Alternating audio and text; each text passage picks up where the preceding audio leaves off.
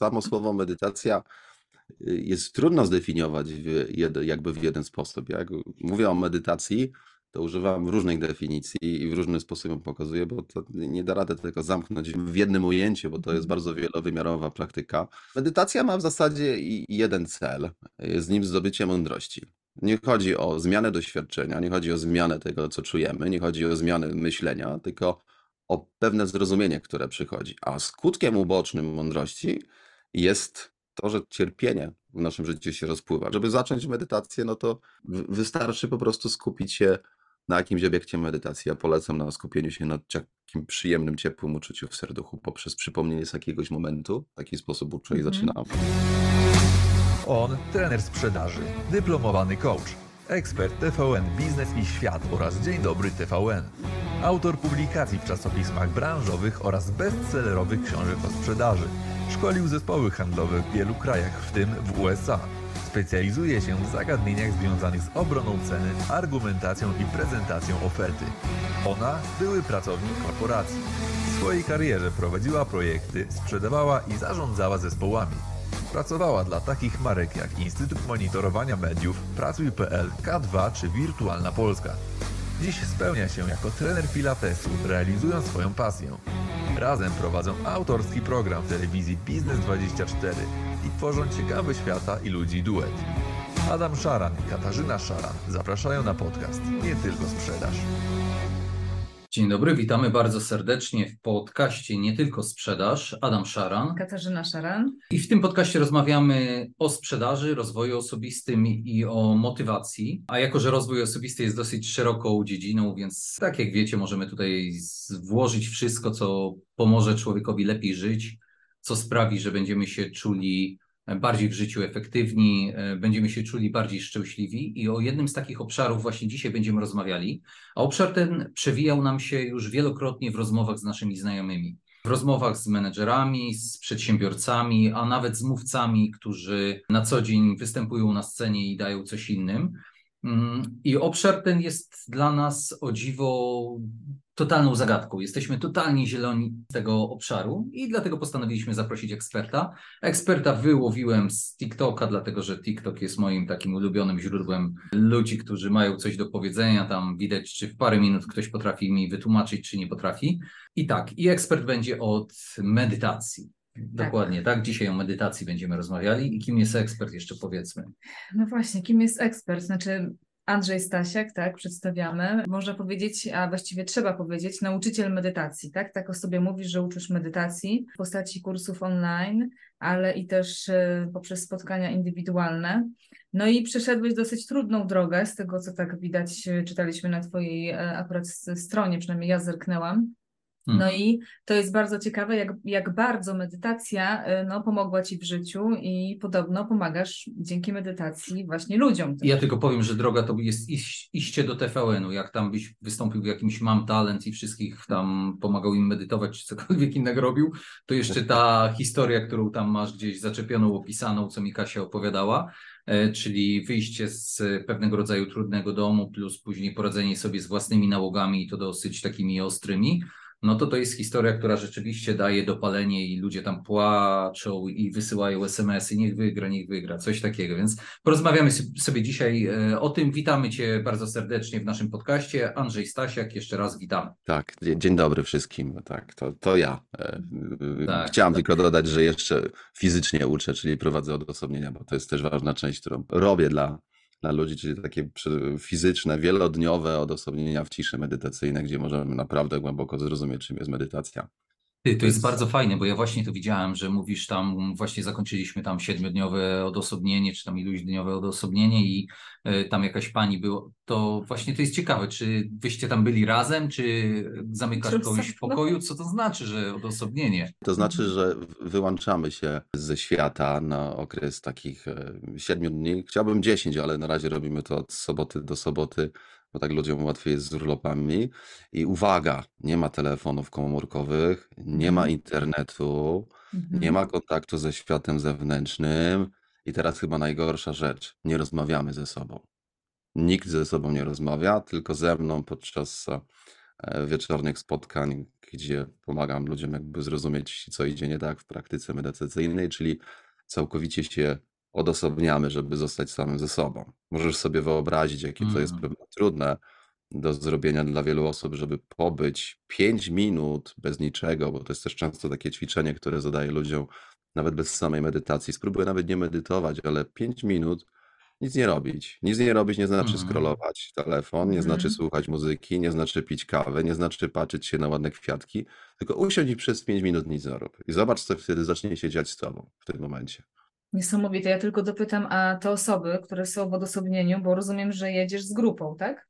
Tak. Osób, to one są obok siebie w tym czasie, czy jeszcze są oddzielnie w Tak. jakimś pomieszczeniu? Nie, jesteśmy, jesteśmy obok Ale siebie. nie mogą ze sobą rozmawiać, tylko z tobą. No to mega trudne. Nie wiem, czy bym wytrzymała. podejmują takie, podejmują takie wyzwanie, bo umówmy się, że jesteśmy dorośli i po prostu piszemy się na głęboką pracę z umysłem, żeby Mhm. ten umysł trochę oczyścić i polepszyć swój komfort życia. Wtedy się umawiamy, że nie odzywamy i to, to naprawdę działa. To jest bardzo Tak, skuteczne. bo tutaj jest y, duża głębia w tym, zresztą y, jest to znane, wiecie, odosobnienie to też jak popatrzymy nawet na, nazwijmy to filozofię chrześcijańską, y, na religię, no to przecież też są znane pobyty na pustyni, to pewnie też ma podobny wymiar bycia ze sobą i tam się włączają demony też są takie, gdzie są albo klasztory. Tak, i to jest na pewno trudne przeżycie, szczególnie w wymiarze więcej niż 5 minut. Z drugiej strony są te technikalia, które są interesujące, bo ja sobie wyobraziłem, że ty tam gdzieś pokoik masz, mówisz tutaj masz kwaterę na 7 dni odosobnioną, wrzucasz jedzenie i coś takiego, nie? Ale nie, czyli to jest jednak wyjazdy grupowe, czyli to jest rzeczywiście Tak. taki wymiar trochę szkoleniowy. Fajnie. No ale chyba zacznijmy od początku, Od ogółu, nie? bo, bo od ogółu, no. już w coś głębszego, a zacznijmy od Tak. ogółu. I chyba takie może podstawowe pytanie, ale czym jest właściwie medytacja? Bo słuchają nas ludzie, którzy gdzieś tam słyszeli, może próbowali, może nie, w większości pewnie nie. Czym jest właściwie medytacja? Jakbyś mógł tak nam powiedzieć? Świetne pytanie. A może wy spróbujecie zdefiniować medytację i zobaczymy, jak rozumiecie wy medytację. Ja zobaczę, czy, Ale jaja, wiesz, że się nie czy to przygotowałem. jest Dobra. Czy, do- ale to jest znakomicie, bo to właśnie o to chodzi, żeby trochę może z, zobaczyć, jakie chodzą a, mity, czy Mhm. różnego typu wierzenia. Powiem ci, pozwolę że... sobie odbić to, pozwolę sobie odbić piłeczkę i zadać wam pytanie, czym dla was jest medytacja? Jak No wy dobra, to po- widzicie z boku, nie? Podejrzewam, że wiesz i że jesteś ekspertem, więc okej, pozwalam odbić piłeczkę. Wiesz co było, e, teraz się umawialiśmy na spotkanie z dziewczyną od tantry. Jakby mi odbiła pytanie, czym jest tantra, no to ci powiem, nie wiem, czy bym mówił, nie? Bo generalnie takie, ale pewnie jest podobnie w motywacji, że Medytacji. medytacji, medytacji teraz mi się będzie my- myliło, w medytacji, że, że nasze spojrzenie może rzeczywiście być jakieś tam wykrzywione, niech będzie. No to czym jest medytacja? Wydaje mi się, że to jest jakieś działanie na własny, na własny mózg w taki sposób, by wszedł na inne fale, na jakiś inny poziom odczuwania, że przez wyostrzenie zmysłów, przez to, że właśnie tam jest taki motyw, że prawdopodobnie nic nie robię, tylko siedzę i coś myślę, że zaczynam odczuwać różne rzeczy, których nie odczuwałem do tej pory i, i komunikować się z czymś, czym się nie komunikowałem Tak. do tej pory. A ty jak to rozumiesz? Znaczy dla mnie medytacja mi się osobiście kojarzy z takim niemyśleniem o niczym. Ale Też nie umiem myślę, tego po... No właśnie mi się, mi się nie udaje, więc...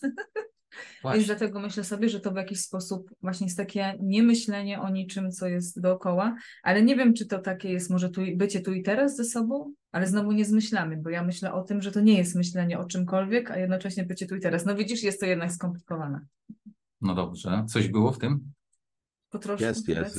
Po troszku, po troszku wszystko, dlatego że samo słowo medytacja y, jest trudno zdefiniować w jed, jakby w jeden sposób. Jak mówię o medytacji, to używam różnych definicji i w różny sposób ją pokazuję, bo to nie da rady tego zamknąć w jednym, e, w, w, jednym ujęciu, bo to jest Mhm. bardzo wielowymiarowa praktyka i tych wymiarów jest e, wiele. Co ciekawe, w ogóle to słowo medytacja powstało dużo później niż sama medytacja w sobie, bo medytacja ma korzenie w, w Buddzie, w buddyzmie Mhm. i Buddha jako jak najsłynniejszy chyba nauczyciel wszechczasów um, tą medytację w pewien sposób rozpropagował, natomiast w samym języku e, Buddy nie było słowa medytacja. Mhm. Było słowo bhavana, które, Mhm. w którym została, zostały te nauki spisane i ono oznacza kultywację. Nie, jakby Buddha w ogóle nie znał tego słowa, wyobraźcie sobie. A był najsłynniejszym nauczycielem medytacji na świecie. I teraz Mhm. Kiedy popatrzymy w taki nietechniczny sposób e, na medytację i spróbujemy określić, to medytacja w zasadzie jest kultywacją zdrowych stanów umysłu. Czyli Mhm. umiejętnością podejmowania takich decyzji, które są zdrowe, które będą prowadziły do tego, że w przyszłości będą pojawiały się rzeczy, które chcielibyśmy, żeby się w naszym życiu pojawiły. Dlatego, że medytacja przede wszystkim jest rozumieniem prawa przyczyny i skutku. Czyli to, co dzisiaj się pojawia w naszych umysłach, to, co czujemy, to, co myślimy, nie jest wynikiem tego, że myśli to jakaś osoba, jakiś byt, który Mhm. w środku zamieszkuje nasze ciało, tylko jest to przyczyna i skutek. W jakiś sposób wcześniej funkcjonowaliśmy, no, przetwarzaliśmy informacje, mieliśmy kontakt z różnymi rzeczami i dzisiaj te rzeczy wtórnie wyświetlają się w naszych umysłach. No i niestety omyłkowo, ale myślimy, że to my myślimy te rzeczy, one to jest po prostu prosty, prosty pusty trochę proces od, od siebie, który się pojawia. Medytacja jest zrozumieniem tego, że to, co się dzieje w chwili teraźniejszej, jest wynikiem przeszłości. Czyli to, co doświadczasz teraz, dziś, emocje, myśli, nie jesteś w stanie tego w ogóle zmienić.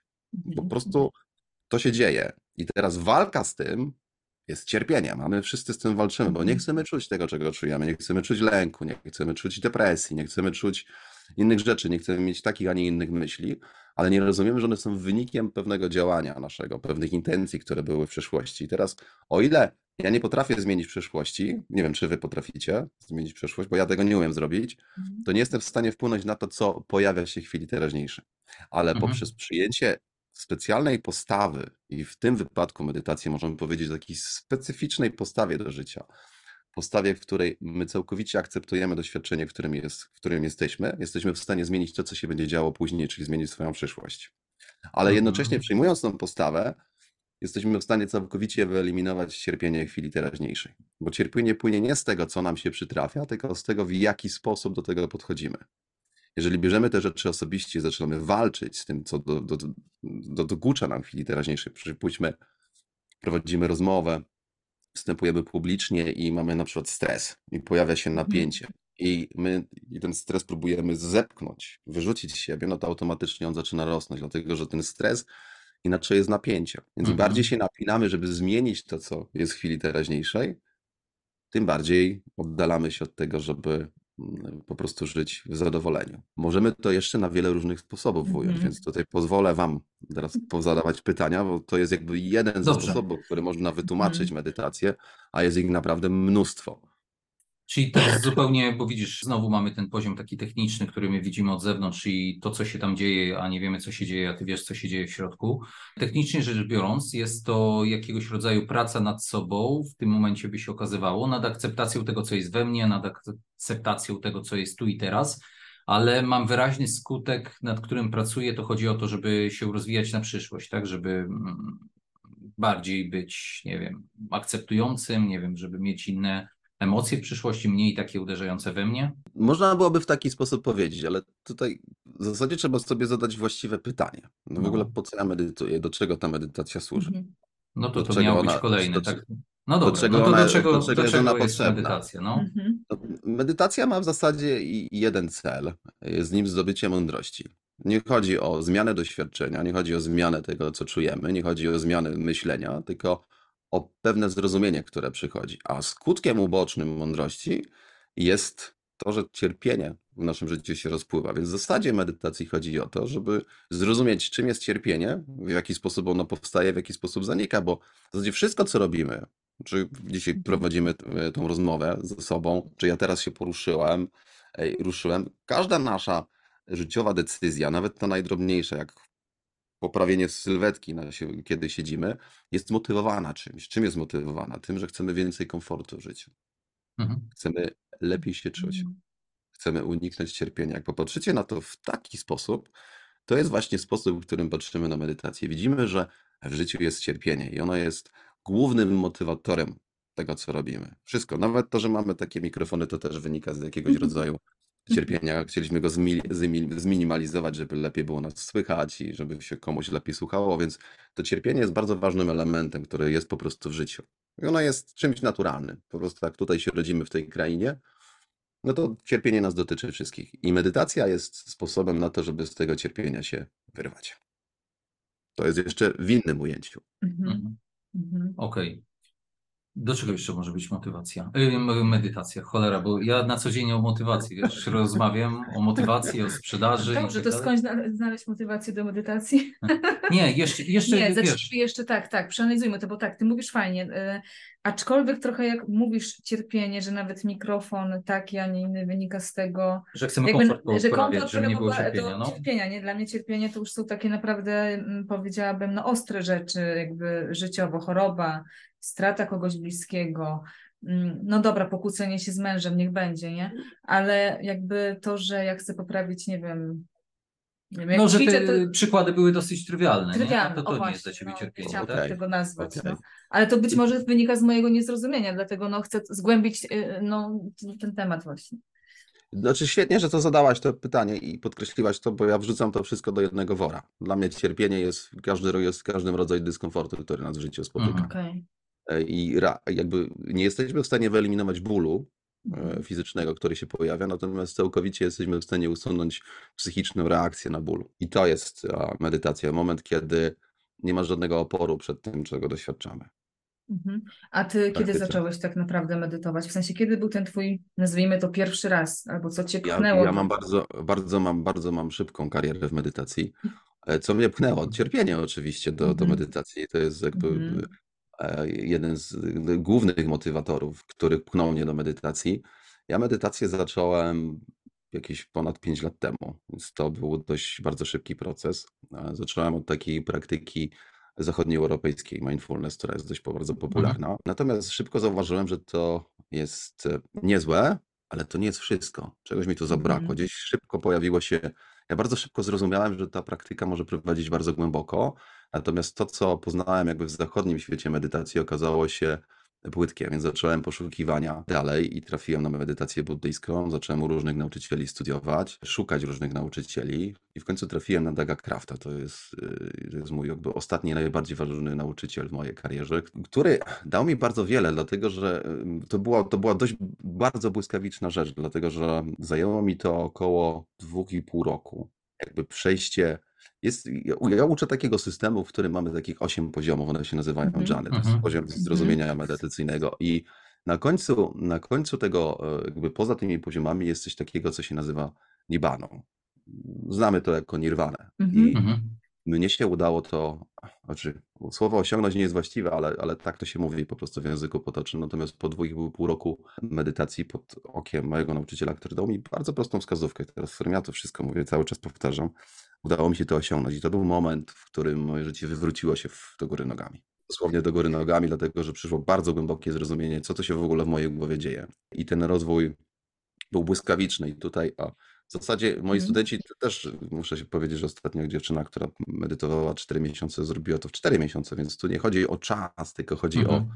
o jakość, jaką, jaką podchodzimy i czy praktyka jest też dopasowana, dlatego że są różni ludzie, którzy mają różne preferencje, jakby, mm, ro- rozumiecie, my pracujecie Mhm. w szkoleniach, to Mhm, wiecie, tak, tak, tak. różnie reagujemy na różne Mhm. metody, natomiast ta metoda, którą, którą ja spotkałem i którą miałem szansę się uczyć pod okiem Daga, po prostu u mnie zadziałała perfekcyjnie, bo była dopasowana do ludzi z zachodu. Bardzo Mhm, dobrze okej. skrojona pod, pod to, co, z czym my mamy tak naprawdę problem na, na zachodzie, a mamy problem z tym, że jesteśmy spięci. Bardzo tak. usztywnieni, bardzo usztywnieni. Ja byłem na różnych kursach medytacji, natomiast nigdzie nie było tak podkreślone, że przyczyną cierpienia jest pragnienie. I to w zasadzie chyba wszyscy wiemy gdzieś na poziomie Mhm. jakimś intelektualnym, ale nie rozumiemy tego na poziomie doświadczalnym. No bo czym jest pragnienie w poziomie doświadczalnym? Bo załóżmy, że mamy jakąś sytuację, pracujecie w sprzedaży, nie? robicie wynik. I teraz zbliża się koniec miesiąca, nie mamy tego wyniku. Nie? Mhm. Mhm. Jest, i co się dzieje? Przyczyną cierpienia jest to, że nie mamy wyniku? Nie, to nie jest prawda. To jest takie bardzo płytkie, powierzchowne widzenie. Mhm. widzenie. Przyczyną cierpienia nie jest brak wyniku, tylko pragnienie, że nie ma, że chcemy to zmienić, a już nie da rady. No powiedzmy, że jest Mhm. już ostatni dzień, godzina 16, wszystkie telefony zrobione, wyniku nie zrobiłem. No nie da Mhm. rady, no temat zamknięty. Już nic Mhm. więcej nie, nie jestem w stanie Mhm. zrobić. No i teraz zostaję z tym tematem. I teraz, czy ja cierpię przez to, że nie zrobiłem tego wyniku? Nie. Cierpię przez moją mentalną postawę, że pragnę i pożądam, żeby ten wynik był zrobiony, a to jest niemożliwe w tym momencie do zrobienia. Jak popatrzymy tak na taki w ten sposób i zajrzymy głęboko do umysłu i zobaczymy, czym to pragnienie jest na poziomie doświadczenia, to zobaczymy, że to jest napięcie w ciele i umyśle. Mhm. Silne napięcie, które powoduje, że pojawia się nieustanny strumień myśli, który jeszcze podsyca te, te napięcie. Czyli myślimy o tym wyniku, Mhm. chodzimy cały dzień w kółko o tym myślimy. Jak w kółko myślicie o swoich problemach, to jak się czujecie? No, No. źle, no. Napięcie. No, no nie Napięcie, fajnie, nie, nie, napięci, Tak. jeszcze bardziej napięci. I teraz im bardziej próbujemy się pozbyć tego myślenia, im bardziej próbujemy rozwiązać to na poziomie intelektualnym, to, to nic nie da, bo już miesiąc jest zamknięty, koniec. Mhm. Mhm. Jest, już nic nie możemy z tym zrobić. I teraz, jeżeli wdrożymy odpowiednią technikę medytacji, to będziemy potrafili uwolnić się od napięcia. Na początku od napięcia, a potem od przyczynek, które powoduje to napięcie, bo jakby napięcie też ma swoją przyczynę, która się pojawia. I poprzez rozumienie przyczyn i skutków jesteśmy w stanie zmienić zaoprogramowanie umysłu, żeby się nie napinać. Po prostu, żeby się nie napinać. A jak się nie napinamy, to dzieją się ciekawe rzeczy, dlatego że nie mam myśli na przykład w głowie. Możecie słuchać drugą osobę, siedzieć i słyszeć, Mhm. co ta osoba mówi bez komentarza w głowie. To jest, wydaje mi się, dość pożądana Mhm. umiejętność, bo jakby pracowałem kiedyś w sprzedaży, przez wiele lat byłem handlowcem i tam się mówiło o parafrazowaniu, żeby dobrze rozumieć ludzi, żeby ich usłyszeć i tak dalej. Parafraza dalej jest ważna, Mhm. ale jak wiele ludzi nie słucha tego, jak samych nawzajem, bo słyszymy swoje myśli na temat tego, swoje wyobrażenia, co powiedział klient, co powiedziała dana osoba, zamiast słyszeć i widzieć to, co się dzieje naprawdę. Więc medytacja jest czymś, co pozwoli poprzez redukcję napięcia zobaczyć, co się naprawdę dzieje, co ludzie mówią, co ludzie myślą, co może być użyteczne w każdej dziedzinie życia, bo to powoduje, że nagle pojawia się znacznie więcej empatii. A jak mówimy o sprzedaży czy zarządzaniu, to te umiejętności miękkie są tutaj kluczowe, żeby ludzi rozumieć na ich Mhm. poziomie takim ludzkim, bo każdy chce być zrozumiany nie jako trybik w biznesie, nie chce być klientem, nie Mhm. chce być pracownikiem, chce być człowiekiem.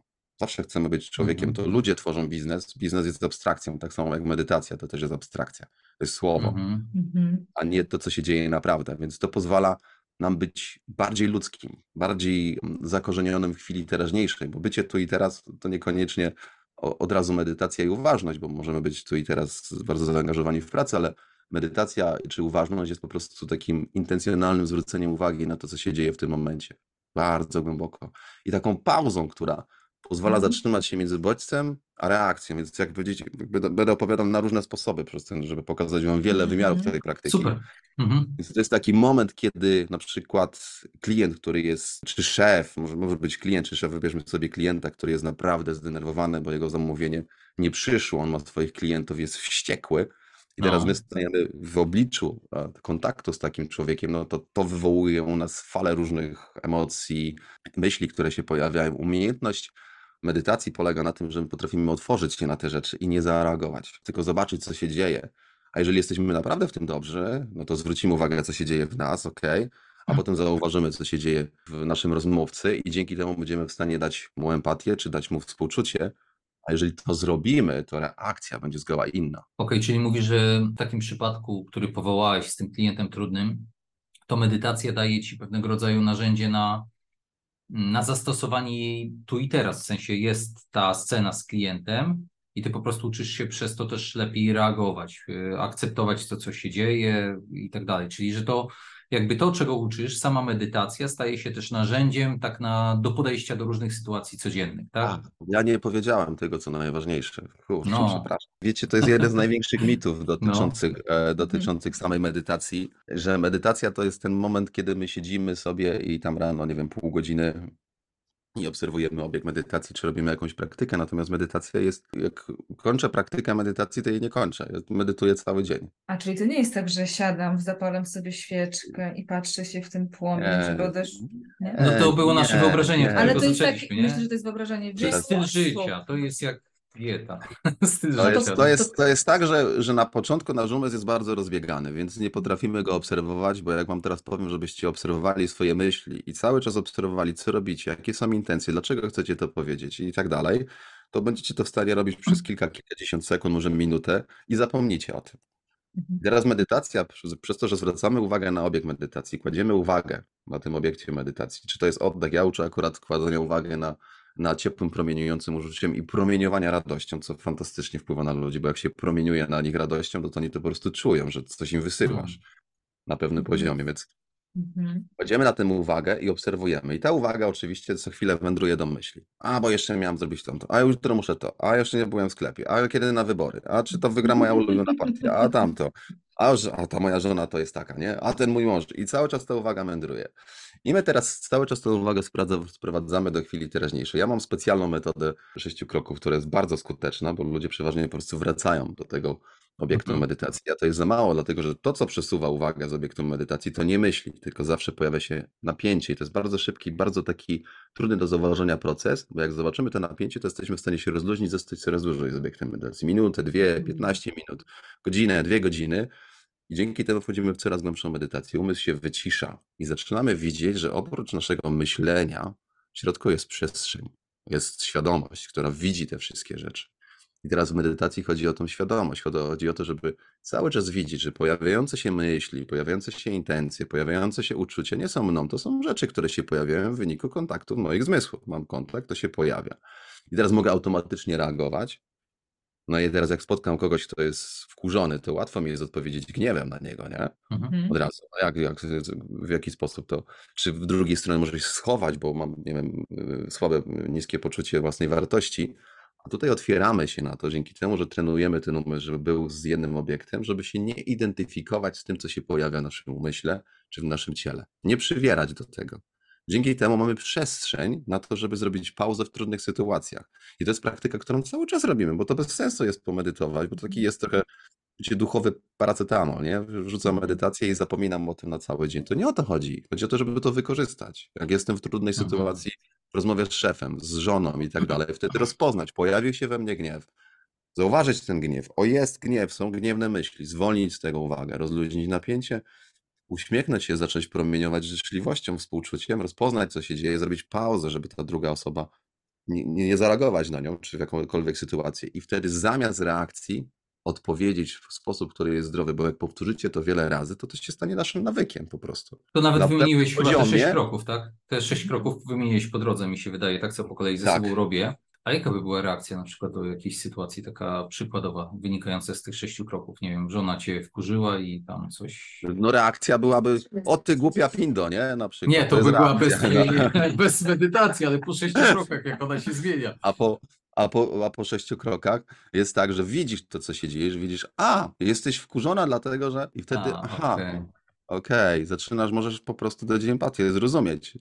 Ale musisz się Rozumiem. zatrzymać, zatrzymać, trochę, bo wtedy... patrz, bo to są te y, trochę różne ścieżki dochodzenia do w jakimś sensie tego samego, nie? No bo jak pójdziesz na psychoterapię, na psychoterapię, to cię tego samego będą uczyli.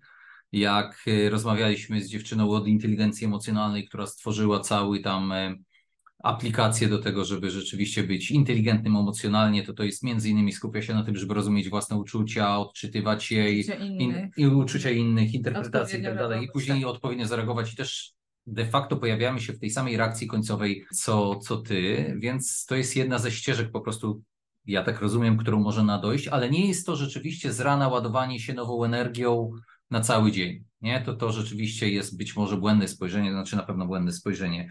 Przeciekawe. Powiedz mi jeszcze jedno takie pytanie, trochę po płaszczyźnie jeszcze, ale czy to nie jest tak, że ty mając pewnego rodzaju proces do przejścia, który ty już całkiem sprawnie i szybko robisz, ale czy to się nie zamienia w jakieś takie zachowanie, które może być dziwne dla otoczenia? Na przykład stajesz przed kimś i się patrzysz, on mówi, która godzina? Ty stoisz i się patrzysz. To są błędne poglądy, że na przykład uważność wymaga tego, żeby zwolnić i nie wiadomo jakieś rzeczy robić. Nie, zachowujemy się normalnie, bo to staje się po prostu naturalnym stanem e, umysłu dla ciebie, staje się naturalne. Po prostu po pewnym okresie nie jesteś, e, znaczy to, żeby to musi być dość zaawansowana praktyka, ale w pewnym momencie po prostu nie jesteś w stanie mieć gniewu w sobie nawet. Nie jesteś O. w stanie się rozgniewać. Nie, nie masz, nie masz gniewu. Znika gniew, znika niechęć, znika opór wszystko staje się dla ciebie naturalne, jest łatwo ci wykonać rzeczy. Jakby, bo to można wytrenować, na tym to polega. Mhm. No Nie? właśnie chciałam Od zapytać. psychoterapii jakby- to się trochę Mhm. jednak różni, cel jest Mhm. podobny, to też muszę nadmienić, natomiast y, psychoterapia prowadzi, e, prowadzi do pewnego momentu, natomiast medytacja prowadzi za ten moment jeszcze dalej. My tutaj wychodzimy, Mm. tu jest wiele, wiele cel, Mhm. e, wspólnych cech, natomiast y, podejście medytacyjne, to przynajmniej te buddyjskie, które ja uczę, e, jest, jest znacznie głębsze, dlatego że ono pozwala zrozumieć, że wszelkie pojawiające się obiekty nie należą do nikogo. Że po środku nie ma właściciela tego. I to jest bardzo abstrakcyjne na początku Mhm. do, do zrozumienia, ale jeżeli, no bo to nawet nie ty rozumiesz, tylko to twój własny mózg musi zrozumieć, że w tym Mhm. strumieniu nie ma żadnej osoby, która wypluwa te rzeczy. Jak Mm. dochodzi do takiego zrozumienia, to te rzeczy przestają cię po prostu dotykać w jakikolwiek sposób. Przestajesz gwałtownie reagować na rzeczywistość, bo zaczynasz widzieć, że ludzie podejmują różne decyzje, zachowują się dlatego, że cierpią, więc zaczynasz zamiast widzieć gniew, reagować gniewem, zaczynasz widzieć, o, mój klient cierpi, trzeba mu pomóc. Zmieniasz po Mhm. prostu postawę, przestaje cię to dotykać osobiście. I to jest Mhm. jakby to, ta najważniejsza część, że nie bierzemy rzeczy osobiście, a przez to, że nie bierzemy rzeczy osobiście, nasza postawa jest bardzo otwarta, współczująca, akceptująca do siebie i do innych i pozwala nam w kompletnie inny sposób funkcjonować. Moja żona sobie chwali na przykład. Medytacja. Tak. A, okej. Męża, który medytuje. Męże, którym. A, rozumiem, tak. A to może nasz jest lepiej, nie? Lepiej. To ty. E, Nie, bo ja chciałam zapytać się to, jak, jak zacząć, w sensie, no bo Mhm. Najpierw co, trzeba poczuć, że się chce w ogóle, czy po prostu trzeba sprawdzić metodę, no bo są różne właśnie metody, tak jak przed chwilą nawet Adam powiedział, jedni chodzą na psychoterapię, inni e, Mhm. interesują się inteligencją emocjonalną i przechodzą jakieś tam treningi, no i jest medytacja, Ja bardzo chcę, medytować. y, żeby Kasia zaczęła medytować i właśnie y, co, jakie pierwsze kroki? Od czego zacząć? Y, Nie wiem, może jakieś ćwiczenia, czy to od razu trzeba mieć jakiegoś. Czy trzeba się zgłosić do nauczyciela na przykład, Nauczyciela, no żeby jest- ktoś pokierował? To trudne pytanie, bo to zależy Naprawdę? czego, czego oczekujemy, bo wiecie, ja, ja widzę medytację, zawsze byłem ambitny. Hmm? Zawsze byłem ambitny Mhm. i jak zabrałem się za tę medytację, to się po prostu na nią naprawdę zabrałem za tę medytację. Mhm. Y, I mamy różne też podejście jak do tego, czy chcemy zacząć, bo żeby zacząć medytację, no to wy- wystarczy po prostu skupić się na jakimś obiekcie medytacji. Ja polecam na skupieniu się na takim przyjemnym, ciepłym uczuciu w serduchu poprzez przypomnienie z jakiegoś momentu. W taki sposób uczę i Mhm. zaczynam. Mhm. Dobra. Przypominamy sobie miły moment w życiu, taki, w którym byliśmy zadowoleni i szczęśliwi. I zaczynamy czuć emocje, radość, wdzięczność, miłość, cokolwiek, to nie ma znaczenia Mhm. jaka. Chodzi, żeby ta emocja była podniosła. I lokalizujemy ją w okolicy serca i kładziemy na tym uwagę. I to, to uczucie na początku jeszcze nie jest stabilne, bo będzie nam uciekało. Więc jak ono nam ucieka, to zaczynamy sobie delikatnie, ale nie jak mantry, tylko szczerze życzyć, Mhm. żeby mi się układało, żebym był wolny od cierpienia. Jakbyś tak trzymał dziecko na rękach i sobie życzył. I z czasem to Mhm. uczucie zaczyna być coraz bardziej stabilne. W którymś momencie słowa przestają być potrzebne i po prostu promieniujemy tym uczuciem. I za każdym razem, kiedy się rozproszymy, po prostu zauważamy, że się rozproszyliśmy. Tylko najważniejsze, myśli mogą biec w tle, nie musisz usuwać myśli ani z nimi walczyć. One sobie biegną, a ty obserwujesz to promieniujące ciepłe uczucie. Jak się rozproszysz, to zauważasz rozproszenie, zwalniasz z tego uwagę, czyli nie próbujesz tego usunąć, Mhm. ani nie próbujesz, ani nie trzymasz na tym uwagi, rozluźniasz napięcie, to się w głowie będzie pojawiało, takie napięcie i w ciele. Za każdym razem, jak się uwaga rozprasza, to jest napięcie. Po prostu się napinamy. Na początku może być to niewidoczne, za jakiś czas zauważycie, że to jest e, to Mhm. napięcie. Uśmiechamy się, wracamy do obiektu medytacji i najważniejsze, nie zapominamy powtórzyć to tyle razy, ile będzie konieczne. Czy to będzie potrzebne trzy razy, tysiąc razy, dziesięć tysięcy razy, dziesięć milionów, to nie ma znaczenia. Powtarzając Mhm. tą czynność, będziemy Mhm. wchodzić coraz głębiej w, w, w medytację dla tych, którzy jak potrzebujecie instrukcji tego, jak to zrobić, to na mojej stronie internetowej jest, jest darmowa instrukcja i darmowy e-book. Można sobie wejść i medytację zobaczyć, bo tam są też wszystkie te poziomy Mhm. opisane. I można spróbować w taki sposób, na przykład z tych darmowych materiałów, które ja dystrybuuję i mnóstwo osób korzysta z tych materiałów, a można też wybrać się do nauczyciela, czy Mhm. wybrać na naukę medytacji. Wszystko zależy po prostu, jak bardzo chcesz zgłębić, bo temat jest bardzo prosty, ale jednocześnie bardzo trudny, bo jest bardzo Mhm. wiele pułapek i my tych pułapek nie widzimy. Jak, Mhm. jak Bo to u ciebie-? Mhm. A bo u ciebie to jak się zaczęło właściwie? Trafiłeś przez przypadek na taką formę pomocy? Nie wiem, jak to nazwać, no ale... Medytacji Czego szukałeś, że w No życiu? właśnie. Czego szukałeś w życiu, że trafiłeś na to? y, wolności od cierpienia. Wolności od Wolności cierpienia. od, od, od cierpienia tego szukałem w życiu. To było dla mnie na którymś etapie z życia zrozumiałem, y, doszło do mnie wreszcie, y, dość późno to zrozumienie doszło, że to, że jakby powtarzające się sytuacje w moim życiu, bo, bo powtarzały się w kółko te same y, sytuacje. I w kółko to samo była ta sama narracja. To wina świata, to Mhm. wina szefa, to Mhm. wina klientów, to wina tam. I zauważyłem, że chyba coś tu nie gra. I pomyślałem sobie, że to może moja wina. Teraz wiem to, że też nie była to moja wina Mhm. e, w tym wszystkim, natomiast zacząłem widzieć, że jakby wszystko zaczyna się tu. I to tutaj mogę zrobić coś ze swoim cierpieniem, nie manipulując światem zewnętrznym. To oczywiście też jest ważne w naszym życiu, ale Mhm. żeby uwolnić się od cierpienia, chodzi o to, żeby zobaczyć, jak to cierpienie działa w nas, bo tu jest problem, znaczy problem, no, tak w cudzysłowie, Mhm, tutaj jest ten mhm. brak zrozumienia, czym to cierpienie jest, bo my na co dzień cierpienie postrzegamy jako coś na zewnątrz, jako sytuację, jako coś, że czegoś nie mamy, albo że dostaliśmy coś, czego nie chcemy dostać, jesteśmy w jakiejś sytuacji oddzieleni od lubianego i tak dalej. Mamy Mhm. różne swoje tam wizje na temat, czym jest cierpienie. Natomiast to jest absolutnie jedna z największych, największych błędów, czym jest cierpienie, bo cierpienie jest identyfikacją. To jest moment, kiedy umysł mówi: Ja jestem tymi myślami, ja jestem tym ciałem, ja jestem tymi odczuciami, i zaczyna się identyfikować ze swoim lękiem, ze swoimi myślami, z historią, którą mamy o sobie. Przypuśćmy, ktoś ci powiedział: Wiesz co, Adam, ale jesteś do bani handlowcem. W ogóle jak ty w ogóle możesz pracować, w ogóle innych trenować? No weź, przestań. No, skąd ty Mhm. się w ogóle wziąłeś, wyrwałeś? I ty w tym momencie zaczynasz myśleć o tym, identyfikujesz się z całą tą historią i to jest cierpienie. Mhm. To był tylko bodziec. Mhm. Teraz, kiedy zrozumiemy to, kiedy zauważymy to, że cierpienie jest identyfikacją z historią, która się tworzy w naszym umyśle i puścimy to, to cierpienie zanika. Sytuacja nie znika, no bo ta osoba powiedziała, co powiedziała. Nie? Mhm. Y, Cierpienie wie, że jak jeżeli, nie wiem, chorujesz, tak jak ja na przykład jestem chory, to ch- choroba nie znika, natomiast jesteś pogodny i zadowolony i, i, i, happy cały czas, bo widzisz, że to nie może cię dotknąć osobiście.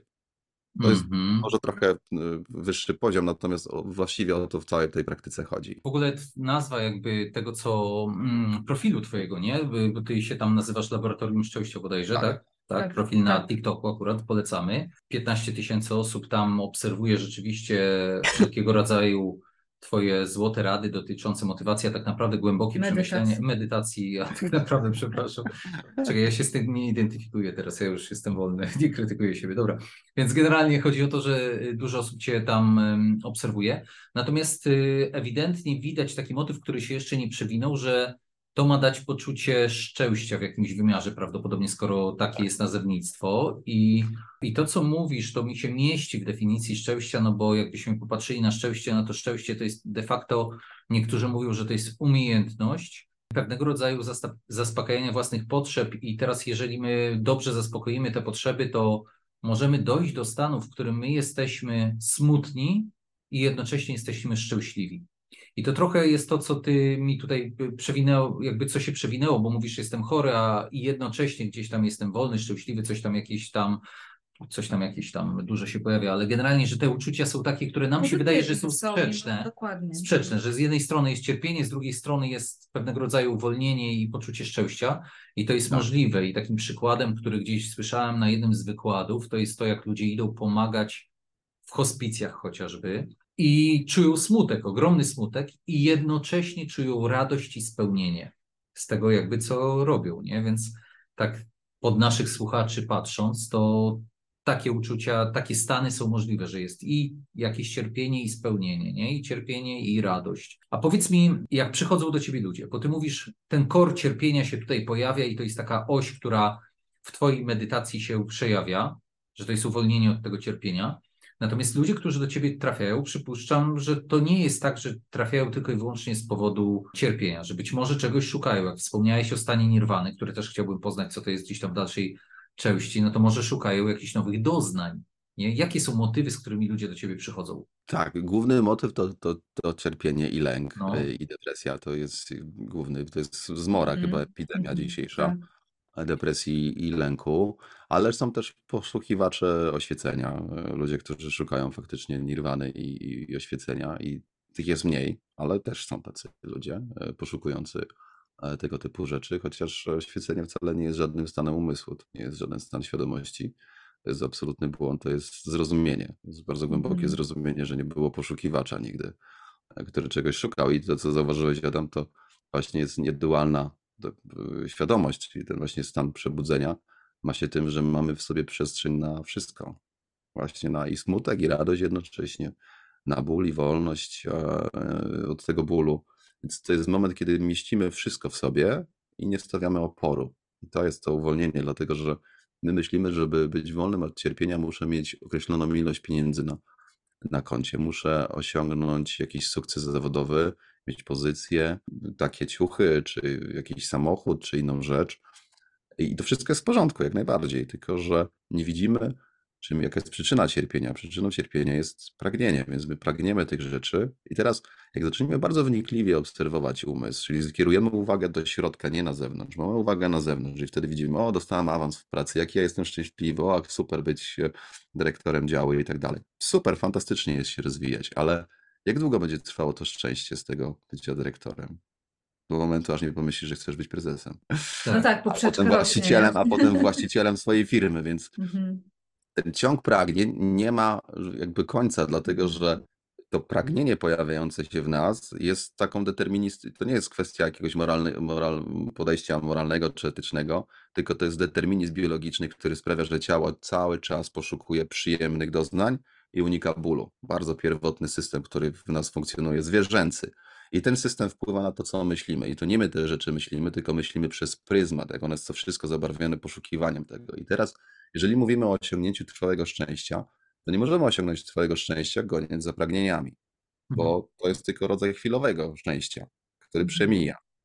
I jak zwrócimy uwagę do środka, to odkryjemy, że to zadowolenie płynie nie dlatego, że dostaliśmy awans w pracy, tylko dlatego, że wreszcie nie ma tego napięcia związanego, że ja ten awans chcę. Mhm. I to jest bardzo ważne odkrycie, bo nie chodzi o to, żeby się wycofywać z życia i zostać joginem z bazin, chociaż jeżeli tak chcesz, to może tak być, bo niektórzy mogą mieć takie, takie podejście, ale zauważyć, że aha, to nie o to chodzi. To nie to prowadzi do zadowolenia. I wtedy możesz całkowicie skupić się na chwili teraźniejszej i zapomnieć o przyszłości. Znika lęk od tym, więc jesteś w stanie być bardziej produktywny i bardziej skupiony na tym, bo przestajesz się przejmować, czy ci się uda, czy nie.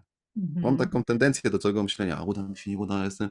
I spinania się, po prostu niepotrzebnego spinania, zamiast kompletnie skupić się na chwili teraźniejszej, na tym, co robimy. I to jest w innym ujęciu jeszcze medytacja. My jesteśmy kompletnie skupieni na tym, co robimy i w ogóle nie zastanawiamy się nad tym, czy nam się uda. To wymaga praktyki, wymaga, Wymaga. praktyki, ale, ale w którymś momencie dochodzi do tego, że przestaje nam w, takim w cudzysłowie zależeć na wynikach, bo zależy nam na tym, co robimy. A teraz chwila przerwy.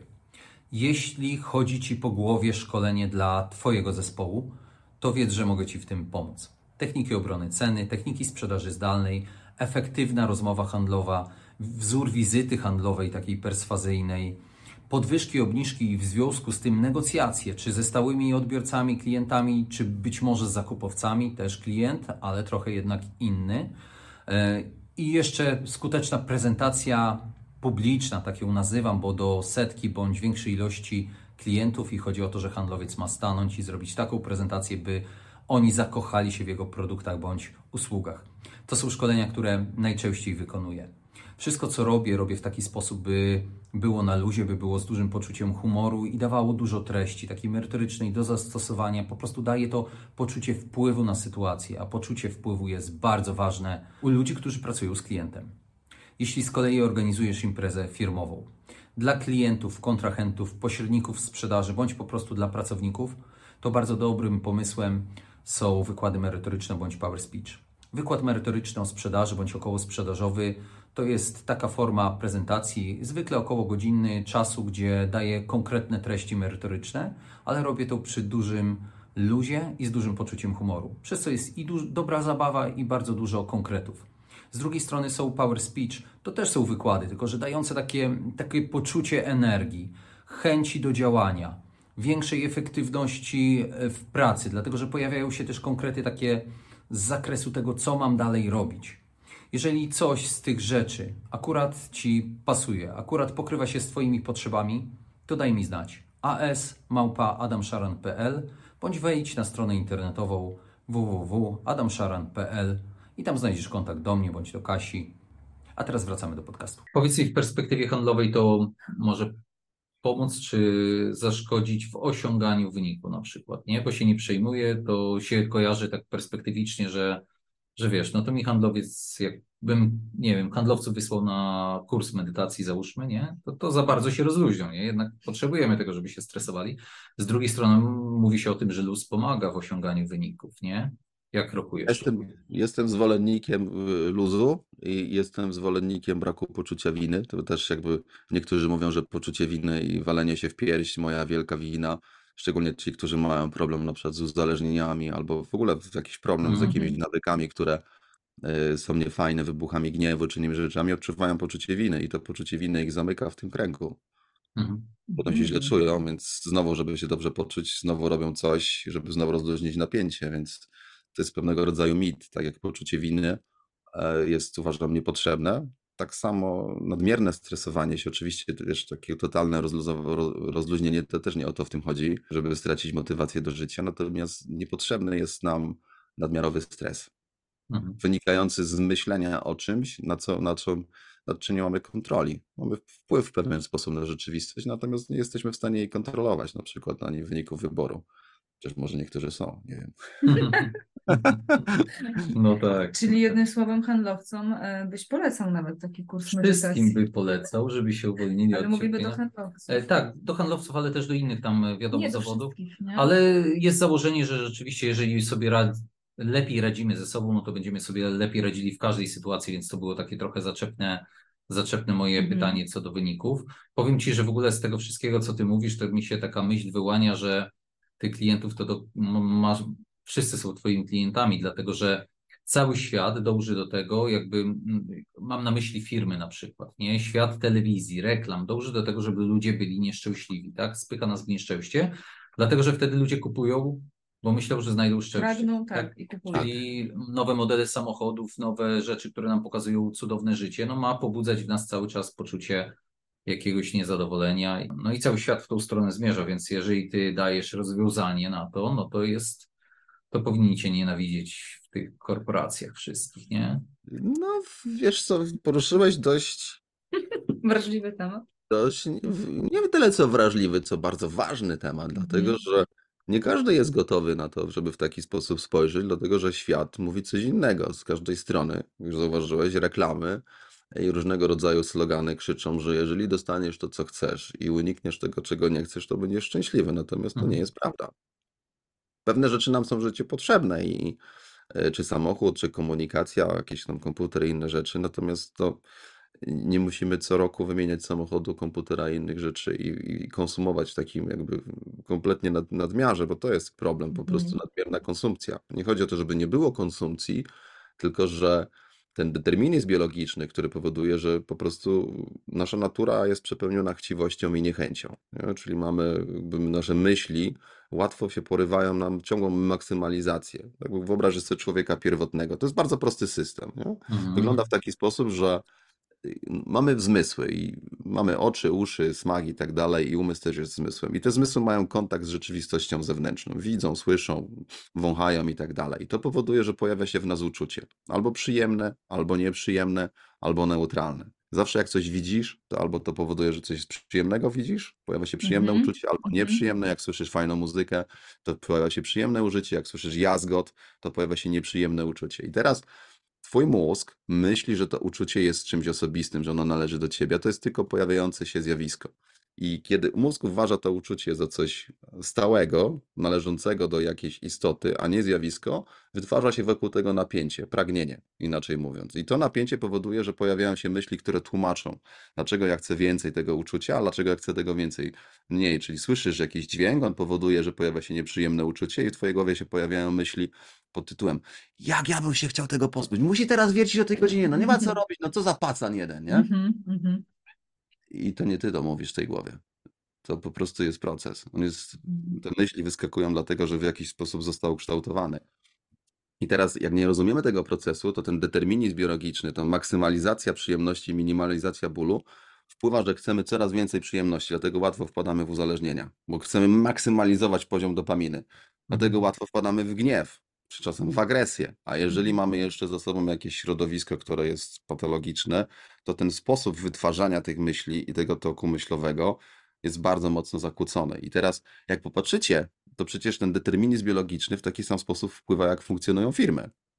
Jest maksymalizacja Mhm. zysków i minimalizacja strat. Dopiero Mhm. teraz dochodzimy, że może byśmy mieli jakieś zrównoważone zarządzanie, więcej wydali na pracowników, może trochę inaczej podeszli do tego wszystkiego, podzielili Mhm. się ze światem, trochę dali na, na ekologię, więc ten determinizm biologiczny wpływa w bezpośredni sposób, jak my widzimy świat i robimy, ty, robimy tym światem, a łatwo jest, jak zarządzamy tym światem, łatwo jest zauważyć, że że to, gdzie idziemy, no nie jest chyba najlepszym kierunkiem, bo ciągła maksymalizacja i wydobycie zasobów, i no to przecież kiedyś to się musi skończyć. Już widzimy, co się dzieje z Mhm. klimatem, z innymi rzeczami. Więc nie Mhm. chodzi o to, żeby nie konsumować, ale zrozumieć, że ta nadmierna konsumpcja Mhm. nie wynika z tego, że ja tego chcę, tylko są pewne mechanizmy, które we mnie wpływają, że ja po prostu ludzki organizm i mózg powoduje, że chcę więcej i chcę więcej, dlatego że jeszcze w nim siedzi po prostu pierwotna małpa, która dalej chce mieć Mhm. więcej partnerek seksualnych, więcej chce mieć broni, więcej pożywienia, mieć wyższy status społeczny, bo to oznacza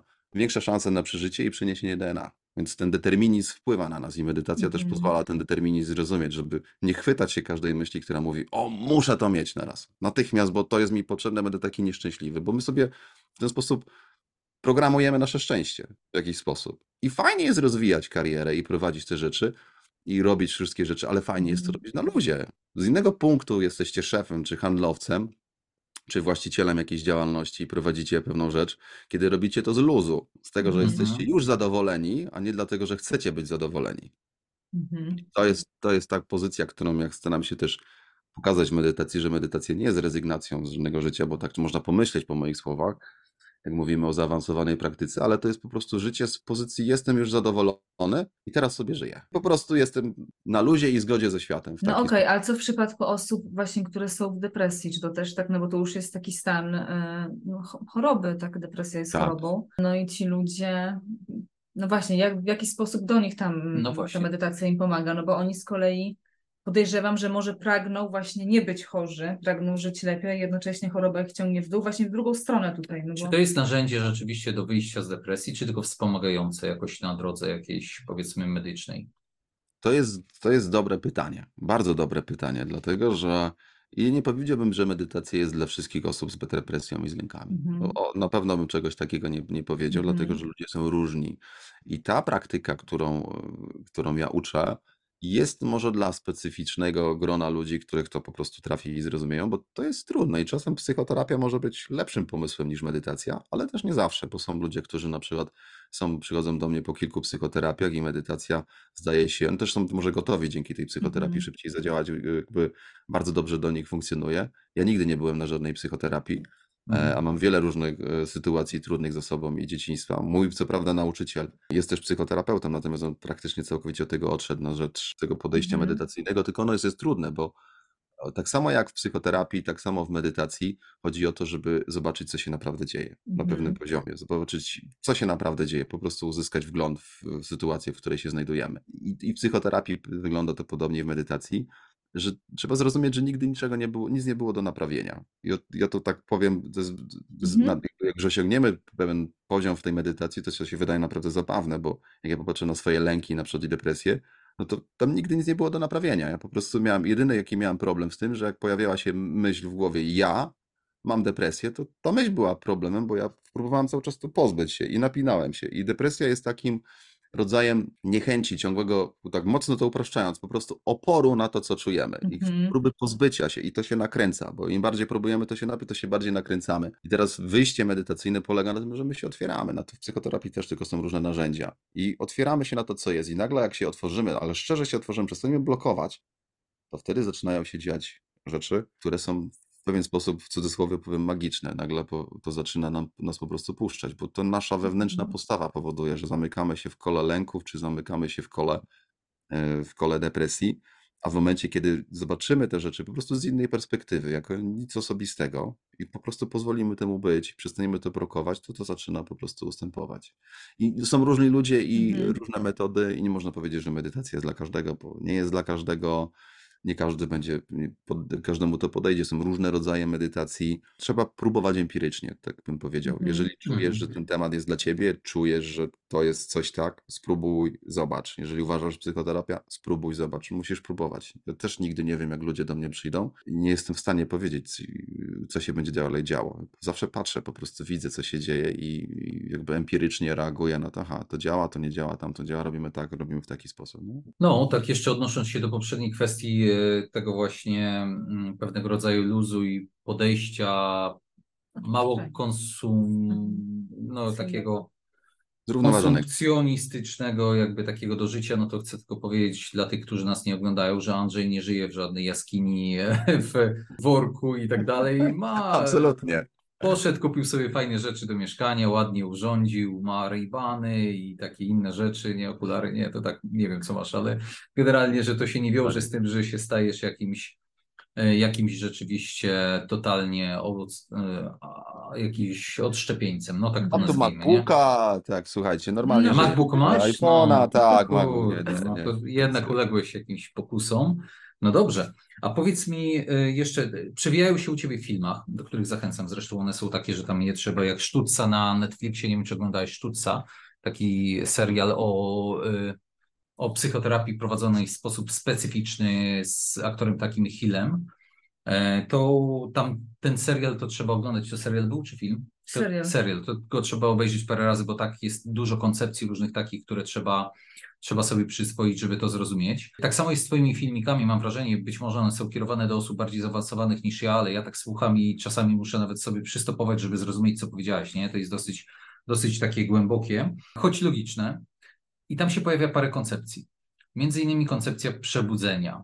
Powiedz mi, co to jest przebudzenie? Już dzisiaj się to przewijało. Tutaj ja nawet sobie zapisałem, że nie stawiamy oporu, wszystko tam jakoś przepływa, ale czy to jest, czy to jest jakiś taki błysk, że w pewnym momencie chodzę sobie, uczę się u ciebie medytacji, nagle ja no, czuję, że to jest już ten moment i to jest to przebudzenie? To jest tak, że to się różnie y, wydarza. Ostatnio się to u jednego z moich studentów kilka dni temu wydarzyło bardzo spontanicznie i to może być spontaniczny proces. Możemy go osiągnąć w, na różne sposoby. W zasadzie to nie jest coś, co się osiąga. Ja używam to słowo. Natomiast to jest cały czas, bo nie da rady tego osiągnąć, bo to jest tak, że ty już masz to w sobie. Cały czas, tylko nie patrzysz w tą stronę, w którą trzeba. Nie? Zwracasz uwagę i identyfikujesz się z myślami, z odczuciami, które się pojawiają. I to nie ty się identyfikujesz, tylko umysł. I i umysł to jest, to jest pewnego rodzaju głębokie zrozumienie. To nie jest stan umysłu.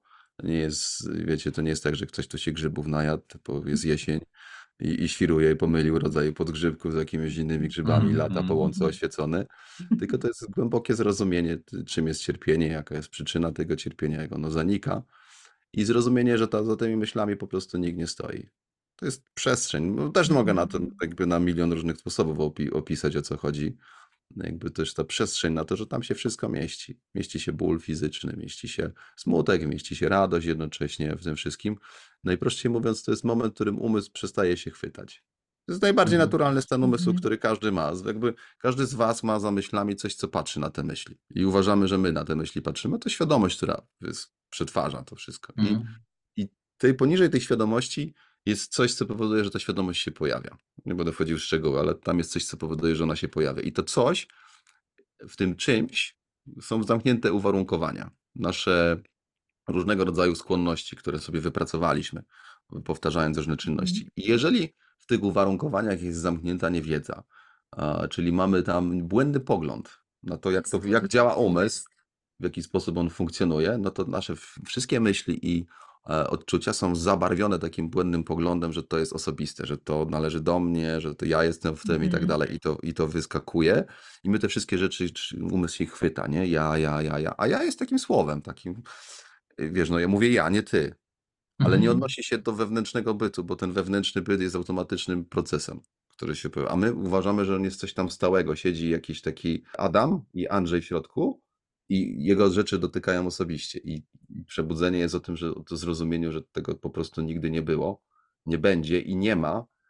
Więc to nie jest coś, co można osiągnąć, nie jest to coś, co można stracić, to jest coś, co jest cały czas. To jest przestronność, to jest po prostu świadomość, która połączona Mhm. jest razem z pewnym rodzajem zrozumienia i mądrości. Czyli stajemy się świadomi. Skutkiem ubocznym jest dobre samopoczucie. Ale to też nie chodzi o dobre samopoczucie, bo to jest chwytanie się czegoś, tylko to jest skutek uboczny pewnego głębokiego zrozumienia. A powiedz jeszcze o tej nirwanie. Bo mówisz, że osiągnąłeś, to raz osiągnąłeś, czy jesteś tam, jesteś w domu i mówisz sobie, zafunduję nirwanę jest- teraz. Tak, nirvana ma jakby, nibbana ma wiele różnych znaczeń. Ja uczę takiej techniki, która prowadzi do zatrzymania umysłu i, i to jest jakby w tym kontekście osiągamy, osiągamy nibbanę. E, Czyli co to chodzi, o, o, o czym chodzi zatrzymanie umysłu? Mhm. Poczekaj, bo ja powiedziałem nirwana, a nibbana to jest, y, to No ja to źle samo, tylko. To inny. okej. To, tylko to Inne jest sanskryt, a ja używam pali. E, innego Mhm, języka, mhm. który jest starszy, jakby bardziej dla mnie naturalny. Jasne. I teraz jak zaczynamy medytować, to naszym jakby pierwszą taką rzeczą jest to, że pojawia się dużo myśli. Ale na drugim poziomie, trzecim poziomie medytacji myśli znikają i to w zasadzie nie jest wielkie osiągnięcie, żeby myśli nie było w głowie, ale jak Mhm. my myśli nie ma w głowie, to dalej tam są różne rzeczy, dalej się dzieje coś, nie? Proces. Jak wchodzimy głębiej w medytację, to zanika poczucie ciała. Jesteśmy tak, że po prostu jest tylko umysł, pojawia się przestronność, nie, taka nieskończona przestrzeń, ale mamy jeszcze percepcję, która rozpoznaje rzeczy, je nazywa i mamy świadomość. I jak jesteśmy bardzo sprawni w medytacji, ale tak naprawdę mega, mega, mega sprawni w medytacji, to potrafimy doprowadzić do takiego stanu, w którym odpuścimy ostatnią intencję, która się pojawia w umyśle, chociaż był ten intencję medytacji i umysł się wyłączy. Tak byś stracił świadomość, jakby cię ktoś romnął młotkiem. I świadomość się wyłącza. Umysł się po prostu, w, jesteś w stanie wyłączyć swój umysł poprzez stworzenie właściwych, e, właściwych warunków w tym Mhm. umyśle, żeby umysł się wyłączył. I teraz jak ten umysł się wyłączy, to po włączeniu tego umysłu w zasadzie możemy powiedzieć, że możemy doświadczyć czegoś takiego, czym jest nibbana, dlatego że nasza rzeczywistość jest przyczynowo-skutkowa, czyli ma przyczyny i skutki. Nie? Wszystko, co tu istnieje, istnieje dlatego, że ma jakieś przyczyny. Czy komputer, czy twoje myśli, czy moja mowa, czy mikrofon, czy praca. Wszystko jest, jest przyczyna, jest skutek. Przyczyna, ten skutek staje się przyczyną następnego, jest taki ciąg skutków i przyczyn. I teraz Mhm. Nibbana jest stanem nieuwarunkowanym, czyli nie ma w nim żadnych przyczyn i warunków.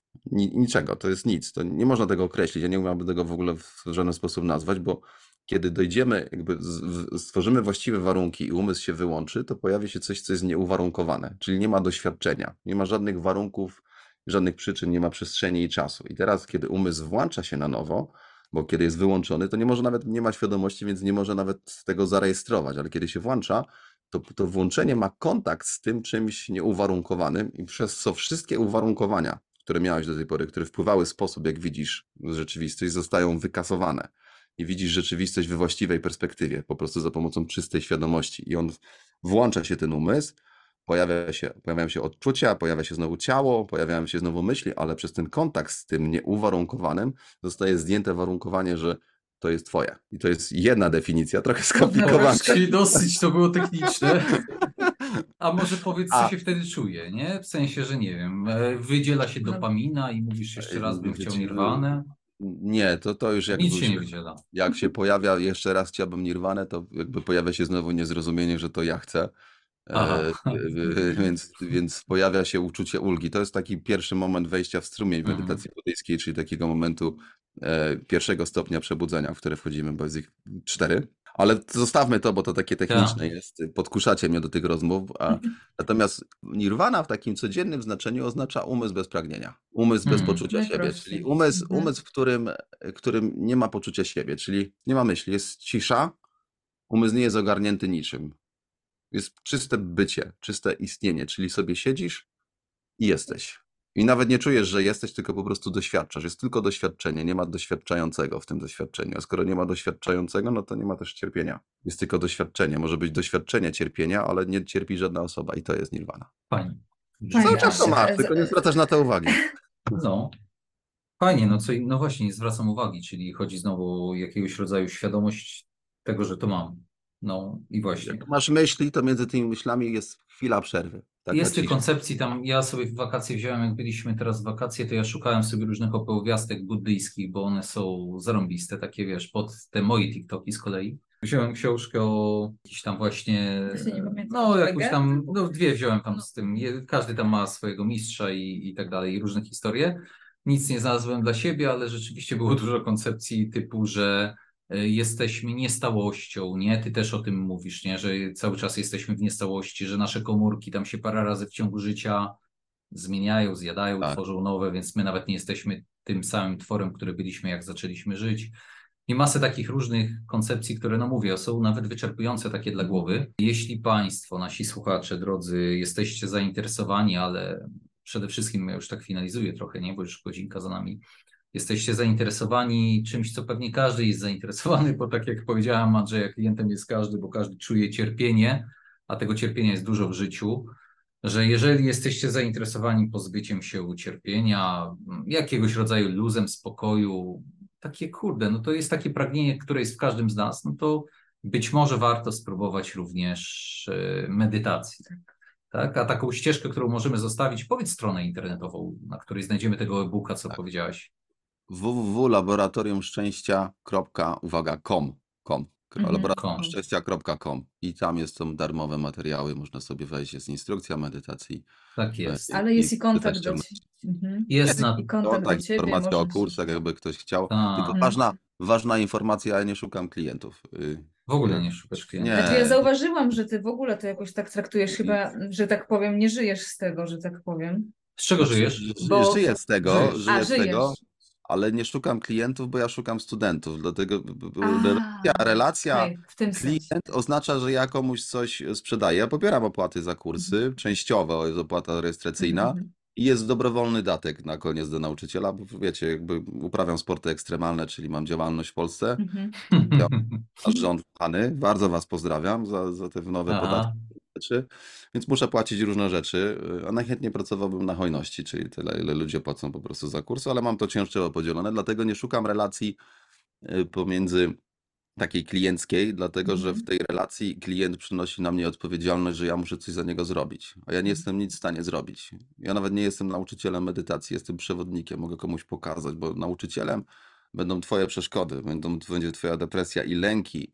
I teraz jeżeli masz takie podejście, w którym wchodzisz w rolę ofiary i chcesz, żeby ktoś za ciebie dokonał czegoś, to ja ci nie pomogę. Nie, nie jestem właściwą osobą. Jeżeli chcesz sobie sam pomóc i potrzebujesz przewodnika, to Mhm. tak, ale to ty robisz sam i to ty bierzesz odpowiedzialność za te barki, więc nie jesteś moim klientem. Może być moim studentem, mogę ci podzielić się tym, co Mhm. wiem, wiedzą, doświadczeniem, na co zwrócić uwagę, gdzie są pułapki w tej medytacji, takie rzeczy i Mhm. pokazać ci, czego nie widzisz, żeby, ci, żeby ten umysł mógł się uwolnić od cierpienia, ale nie chcę klientów, bo Mhm. klienci, to, to klienci wymagają, a, a to wymagania są problemy, bo to, czego się uczymy w medytacji, co jest może najtrudniejsze do zrozumienia, to, że przychodzimy i chcemy naprawić siebie, a ja, moja cała praca Mhm. polega na tym, żeby ci wytłumaczyć, że ty niczego nie musisz naprawiać. Mhm. Zrezygnuj Mhm. z tych oczekiwań, puść napięcie. Więc jeżeli im bardziej pragniesz, żeby było inaczej, tym dalej się oddalasz. Jeżeli się Mhm. zgodzisz, zaakceptujesz, tylko uwaga, to nie jest to, że jak jesteśmy chorzy, to koniec pragnienia oznacza, że ja nic nie robię, a dobra, tam Mhm. tylko nie idę do lekarza, mam wszystko, tylko ja się akceptuję to. Mam poważną chorobę, też mam, mam tak, zdiagnozowali coś w tym roku u mnie. Tak? Mm. Ojej. Tak, no całe szczęście będę żył, chyba jeszcze będę żył, natomiast taka, poczytałem Mhm. pierwszy opis tej choroby, to pomyślałem sobie, o kurczę, wolałbym raka, ale potem się okazało, że to była taka odmiana, która y, jest jakby, nie powinna mnie zabić, tylko będzie przewlekle mi tam, y, no kurczę, nie jest to coś, coś strasznego, natomiast to nie znaczy, że się nie leczę. Mhm. Leczę się, ale Mhm. akceptuję to, że jestem chory po prostu, że takie coś jest. Mhm. Więc Mhm. to chodzi, nie chodzi o wycofanie, tylko chodzi o akceptację. Nie? Ja czasem używam takiego słowa jak beznamiętność i to budzi takie kontrowersyjne Mhm. emocje, jak to beznamiętność, ale beznamiętność nie jest obojętnością. Ludzie każą, to obojętność jest Mhm. czymś niefajnym, bo jestem obojętny, a ignoruję to, że jestem chory, Tak. ignoruję szefa, ignoruję swoje wyniki. Jestem beznamiętny, oznacza, że jestem w pełni skupiony na chwili teraźniejszej, żeby sobie pomóc, ale nie oczekuję tego, że będę zdrowy, nie oczekuję tego, że się wydarzy konkretna rzecz, tylko robię wszystko, co jest właściwe. Mhm. Piękna Mhm. postawa, myślę, że każdy, by, każdy Tak, szef mieć dobra. takiego Mhm. pracownika i każdy handlowiec chciałby mieć taką postawę, że jest beznamiętny i jest skupiony na tym, co ma zrobić, na rozmowie handlowej, na raportach, na wynikach, na wypełnieniu CRM-a, na, za- szef na zarządzaniu, na innych rzeczach, a nie Mhm. na tym, jakie będą wyniki. Więc No, tym jest beznamiętność. Nie jest obojętnością, tylko jest postawą do rzeczywistości, w której kompletnie akceptujemy doświadczenie takie, jakie w danym momencie jest i działamy w taki sposób, żeby prowadziło do zdrowych rezultatów. I to jest medytacja. No widzisz, ta rozmowa też e, pokazuje, tak, piękne zakończenie, chociaż mamy jeszcze ostatnie takie pytanie do Ciebie, ale to takie pytanie, które Jasne. każdemu za, zadajemy. Natomiast powiem Ci, że rzeczywiście e, to może się tak w głowie mieszać obojętny, a beznamiętny, bo tak to się przewija, można to tak zrozumieć na tej płaszczyźnie, dajmy na to, na tym płaskim jakby spojrzeniu.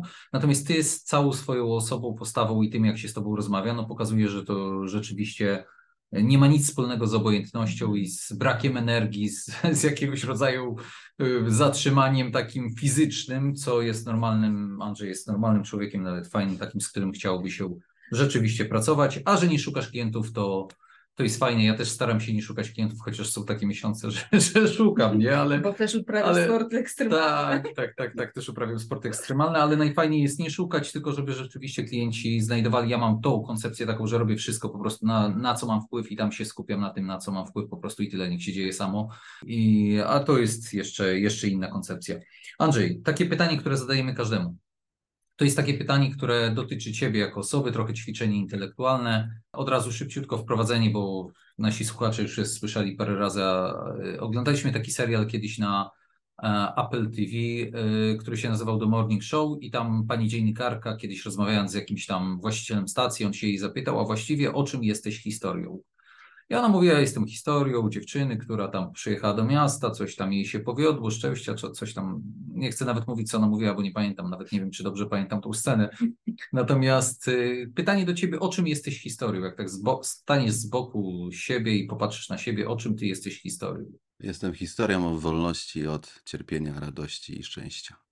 No i pięknie. No, No i rzadko piękne. kiedy się udaje tak w jednym zdaniu kwintesencję zawrzeć. Bardzo Ci dziękujemy, że zgodziłeś się przyjąć zaproszenie do tego podcastu. Myślę, że otwierasz oczy na to, co można uzyskać i czym jest Mhm. medytacja, chociaż widzę, że nie jest to takie proste, jak myślałem, że dostaniemy instrukcję, siadaj, myśl o niczym i, i będzie dobrze. Jest jakaś ścieżka do przebycia, ale to może i dobrze. To jest też coś do odkrycia i to może być fajna ścieżka. Serdecznie dziękujemy. Dziękujemy bardzo. Naszym słuchaczom również dziękujemy. Zapraszamy do kolejnych odcinków. Będziemy szukali takich ciekawych gości jak, jak ten dzisiejszy. A my się z Andrzejem jeszcze będziemy widzieli w innych okolicznościach. Okej, Dziękuję. dziękuję.